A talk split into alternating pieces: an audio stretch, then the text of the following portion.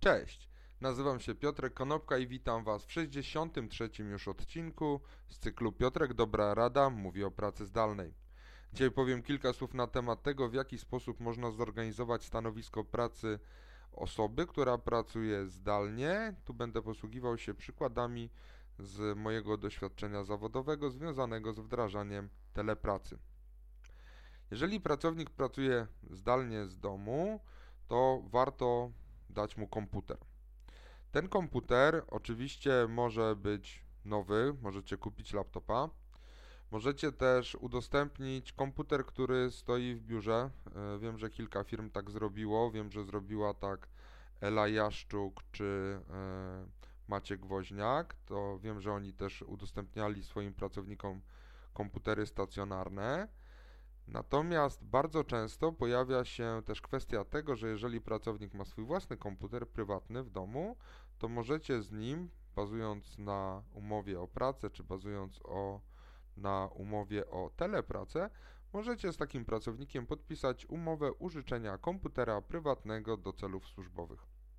Co to powoduje? To powoduje, że na przykład, tak jak się umówicie, od godziny 9 do godziny 17 komputer pracownika będzie komputerem wyłącznie firmowym i za ten czas powinien należeć mu się ekwiwalent. E, ten dodatek, który wypłacacie na podstawie takiej umowy o życzenia komputera prywatnego, waha się od kilkunastu do kilkudziesięciu złotych miesięcznie. Jest to po prostu rekompensata za to, że pracownik używa swojego komputera a Wy nie musicie kupować wtedy e, żadnego nowego do jego dyspozycji. Dodatkowo pojawia się też kwestia tego, jak można rozliczyć prąd, czy jak można rozliczyć internet.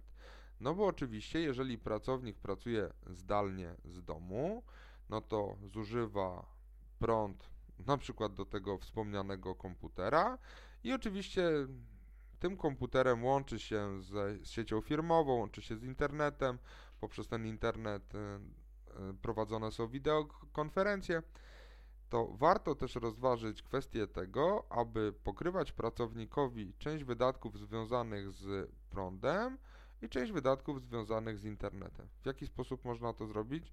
Oczywiście możecie z jednej strony podnieść cenę e, czy podnieść kwotę rekompensaty za korzystanie z komputera prywatnego do celów służbowych. Możecie takiemu pracownikowi kupić dodatkowy modem czy dodatkowy, e, dodatkową kartę SIM, jeżeli chcecie, żeby on się łączył bezpośrednio przez łącza LTE z Waszą siecią, także to zależy od Waszej inwencji. Tak samo wygląda kwestia prądu. Oczywiście to nie jest tak, że płacicie i pokrywacie cały rachunek za prąd y, dla e, pracownika, bo wiadomo, że on e, na pracę poświęca jedną trzecią swojego czasu całego dobowego.